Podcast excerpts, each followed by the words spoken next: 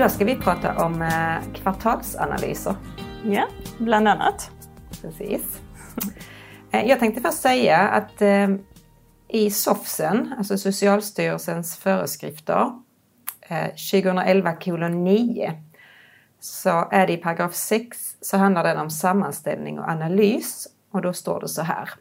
Inkomna rapporter, klagomål och synpunkter ska sammanställas och analyseras för att vårdgivaren eller den som bedriver socialtjänst eller annan verksamhet enligt LSS ska kunna se mönster eller trender som indikerar brister i verksamhetens kvalitet. Ja, ja. då har vi svaret Där på varför analyser ska göras. Grunden till detta avsnitt. Ja. Tänkte att du ska få börja berätta om hur, hur detta arbetet har sett ut i omsorgsförvaltningen. Mm. Och jag har ju ingen jätte inte en jättelång historia, men jag har ju några år som jag har jobbat här. Uh, och, och, jag minns ju så väl när jag kom, jag tror det var 2018. Ehm, men jag fick ett uppdrag att analysera förvaltningens avvikelser. Ehm, och så var egentligen min första fråga, okej okay, vad har jag för underlag till det? Och det fanns ju inte så mycket analyser. Eller rättare sagt, det fanns ingenting vad jag kunde hämta. Sen är det möjligt att man har gjort det på enhetsnivå som jag inte kunde få fram i några av våra system. Men eh, det jag hade var egentligen ren statistik från det programmet vi hade då som heter Flexite. Och statistik är ju inte samma som analys. Um, ja. Sen så gick ju tiden av olika anledningar men nästa år igen så kom okej, okay, hur gör vi? Vi måste ha en plan för vi Eh, börjar vi inte analysera våra avvikelser och, och dra lärdom av det som hänt så, så kommer vi ju inte framåt. Så till slut så bestämdes det i alla fall att vi skulle skapa en arbetsgrupp med olika representanter från våra olika verksamheter där man tog fram ett förslag till hur vi skulle jobba med de här analyserna. Eh, från början var det att man skulle göra det månadsvis eh, och sen har det ju efterhand bestämts att man ska göra det kvartalsvis som enhetschef. Mm. Och sen började vi jobba i DF 2020. Ja. Och då fick vi en, en egen eh, analysdel kan man säga. Mm. Mm. Och det var ju också något nytt för detta programmet så det är någonting som vi har vi har kanske inte helt landat rätt i det men för, för oss var det ju viktigt att försöka hålla eller få in analyserna i DF. Från början jobbade vi ju med Excel-dokument mm. och vi vill ju ha allting samlat. Och det vi kan se nu under 2021 är ju att vi är ju på gång. Ja. Det är ju fler och fler enhetschefer som gör analyserna. Mm. Eh, och det är ju jättekul. Mm. Och det vi, det, syftet egentligen med detta programmet är ju att vi hör ju att man tycker att det är lite svårt med analysarbete. Och att vi då tänkte att eh, vi spelar in eh, lite tips. Och sen släpper vi detta avsnittet i samband med nästa kvartalsuppföljning. Mm. Mm. Och innan vi börjar prata om analysen nu så hittar jag ju siffrorna. Att eh, under 2021 så är det 83 procent analyser som har inkommit. Och året innan så låg det på 45. Så det är en jätteökning. Mm. Fantastiskt bra. Bra jobbat ute. Nu så Johanna, nu ska vi få berätta lite om vad en analys är. Ja, eh, det vi önskar är ju att man får reda på vad är det som, som brister i vår verksamhet? Vilka risker är det vi ser? Um, och vad är anledningen till att det blir som det blir? Alltså i stort, vad är det som händer? Och i stort, varför händer det? Att man verkligen grottar ner sig i det. Ehm, och sen att det då finns relevanta åtgärder kopplat till detta. Och i analysen, om vi börjar med vadet då, vad är det som händer? Att man verkligen tittar på, okej, okay, är det vissa klockslag våra avvikelser händer? Är det vissa dagar? Är det för att um, Eh, är det i samband med att eh, vi, vi kan säga att avvikelser händer i samband med rapporttiden till exempel. Ehm, ja, men det kan vara sådana exempel. Mm. Och går man sen ner på orsakerna så vill vi ju att man verkligen grottar ner sig och tänker okej, okay, vi ser att vi brister i rutinerna. Vad är det i stora drag som gör att vi brister i rutinerna? Jo, men då kommer vi kanske fram till att eh, ja, men vi informerar ju aldrig om de här rutinerna. Och varför gör vi inte det? Det kanske inte framgår ens när vi eh, introducerar ny personal att vi ska informera om rutinerna. Ja, och då har vi ju kommit fram till att vi har ju brister i vårt introduktionsarbete. Men att man verkligen försöker gå ner på djupet och komma fram till vad de största anledningarna är till att man brister i något. I syfte att förhindra att det händer igen. Mm. Men man kan säga att de här analyserna handlar inte om att rabbla upp var varje enskild avvikelse utan okej, okay, vi har tio avvikelser som handlar om detta. Hur många hade vi förra månaden? Har vi sett att det har ökat eller minskat och vad, vad beror det på? Att man gör de här jämförelserna. Hur såg det ut förra året? Varför har vi blivit bättre? Och vad är det vi kan lära oss av det? Mm. De här åtgärderna som vi bestämde förra kvartalet, har de gett någon effekt för kunderna? Har det blivit bättre? Mm. Eller behöver vi göra någonting annat? Mm. Det man kan se, se många gånger när vi får in eh, avvikelser så skriver man slarv eller glömska eller mänsklig faktor som orsak. Mm. Och det, vi försöker ju verkligen jobba med att, att vi inte ska prata om slarv eller glömska. För då måste vi börja prata om, okej, okay, vad har vi för hjälpmedel som gör att den här personen inte längre ska glömma? Eller eh, den här arbetsgruppen ska glömma. Finns det någon form av planeringssystem som vi kan ta användning av? Är det att vi behöver gå igenom vikten igen, att något utförs, syftet med det? Eh, men glömska eller slarv, helst inte. Nej. Vi ska alltså inte titta på person, vi ska titta på organisation. Precis. Eh, ja, det är hela grunden med avvikelsearbetet, verkligen. Att titta på eh, eh, verksamhet och organisation. Mm. Inte person. Det vi också har sett i analyserna är väl det här att det är svårt att, att man inte alltid sätter till åtgärder på, på orsakerna eller kanske inte på de rätta orsakerna. Man sätter till en, en åtgärd på ett slarv. Mm. Eh, istället för att sätta en åtgärd på att eh, bristande kunskap eller eh, brister i att vi inte har rutiner eller... Mm.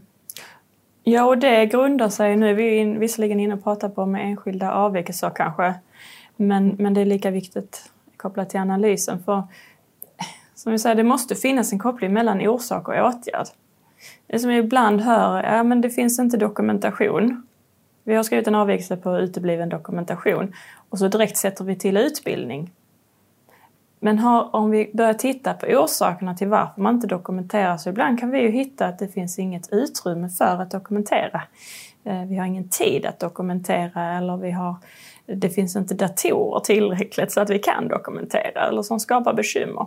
Då hjälper det ju inte med utbildning. Om du inte Alltså när grundproblemet kanske är att du behöver en extra dator. Mm. Mm. och samma i, i, kopplat till analyserna där.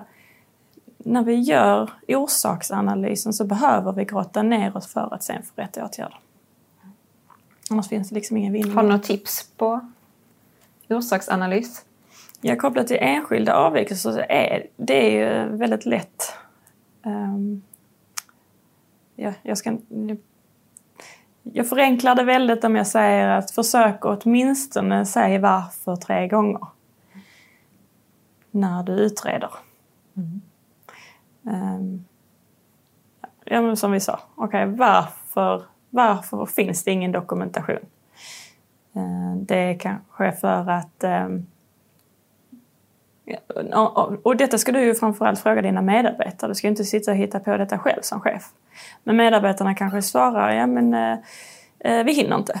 Okej, okay, varför hinner ni inte? Då tittar vi på planeringen. Okej, okay, vi ser att det är bekymmer i planeringen. Och varför är det bekymmer i planeringen? Ja, vi kanske inte har någon som hjälper oss att strukturera upp planeringen. Okej, okay, varför har vi inte det? Och så fortsätter man så tills man hittar orsaken till det riktiga problemet. Och det är först då ju man kan sätta till en åtgärd. Ja. Bra. Mm. Någonting annat så kring analyserna? Jag, jag tror att det är viktigt att få med att vi eh, skiljer på statistik och analys. Mm. För att jag ser många gånger att man bara rabblar upp det som står i statistikrapporten. Vi har x antal avvikelser som handlar om det här och det här.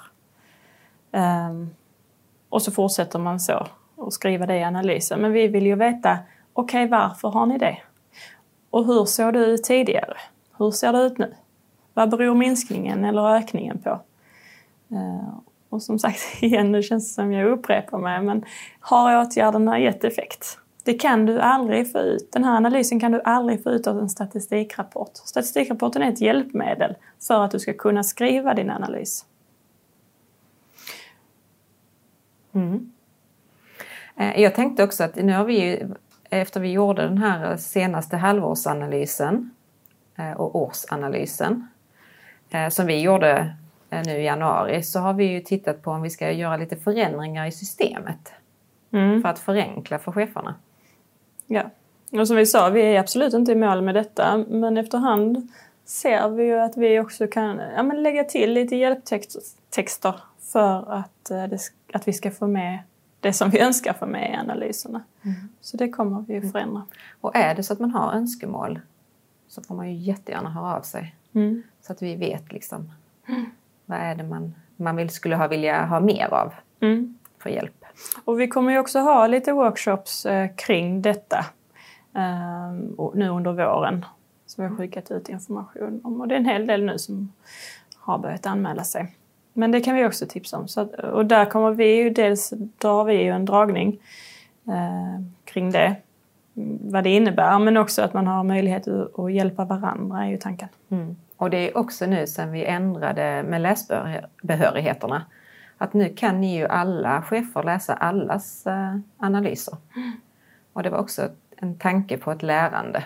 Att man kan få lite tips hur andra har tänkt. Och, mm. mm.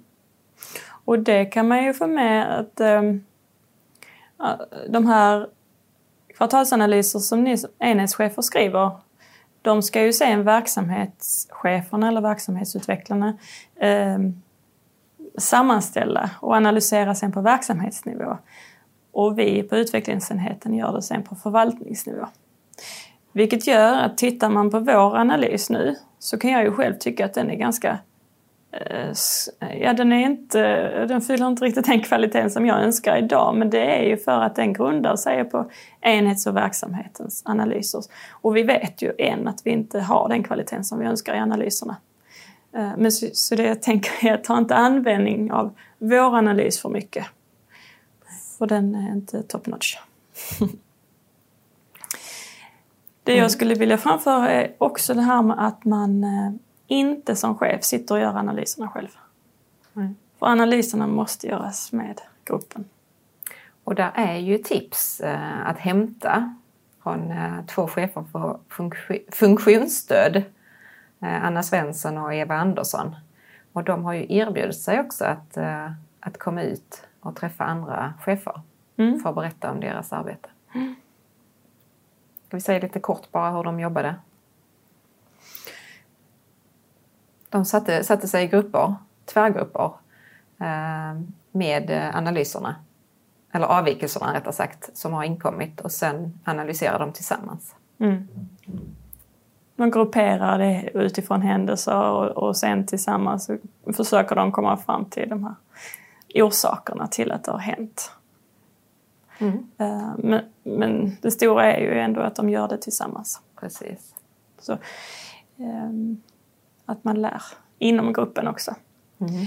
Och, och, det kan vi ju också säga att som, som enhetschef har man ju ett ansvar att återföra den analysen som man har skrivit på sin enhet. Och man har också ett ansvar att återföra det som har, har dokumenterats på verksamhetsnivå och det som vi sen har skrivit på förvaltningsnivå. Att man tar med de viktigaste sakerna och för tillbaka till sin arbetsgrupp mm. i syfte att lära av andra. Ja, att man också ser att, eh, att eh, det leder någonstans med att skriva avvikelser. Mm. Och, um, det är inte kopplat till analysen men det är som du säger att det måste finnas en att man återkopplar till den som har rapporterat så att den vet, okej, okay, det finns ett syfte eller en vinning med att jag skrev den här eller avvikelsen. Eh, det hände någonting med den. Och då kan det ju vara att någon har rapporterat in, det kan vara en handläggare som har rapporterat någonting som den har uppmärksammat i en, eh, i en hemtjänstgrupp. Ja, då är det viktigt att den här handläggaren får en återkoppling kring vad som hände mm. i stora drag. Mm. Precis. Och att vi uppskattar avvikelserna mm. som kommer. Mm. Jaha, känns det som att vi har fått med det vi tänkte kring analyser? Ja, i detta läget kanske. Mm. Sen kan vi fördjupa oss i det framöver. Precis. Och som sagt, har ni några tankar och idéer som ni skulle vilja att vi eh, lyfte så är det ju bara att höra av sig till någon av oss. Mm. Bra, tack så mycket. Tack.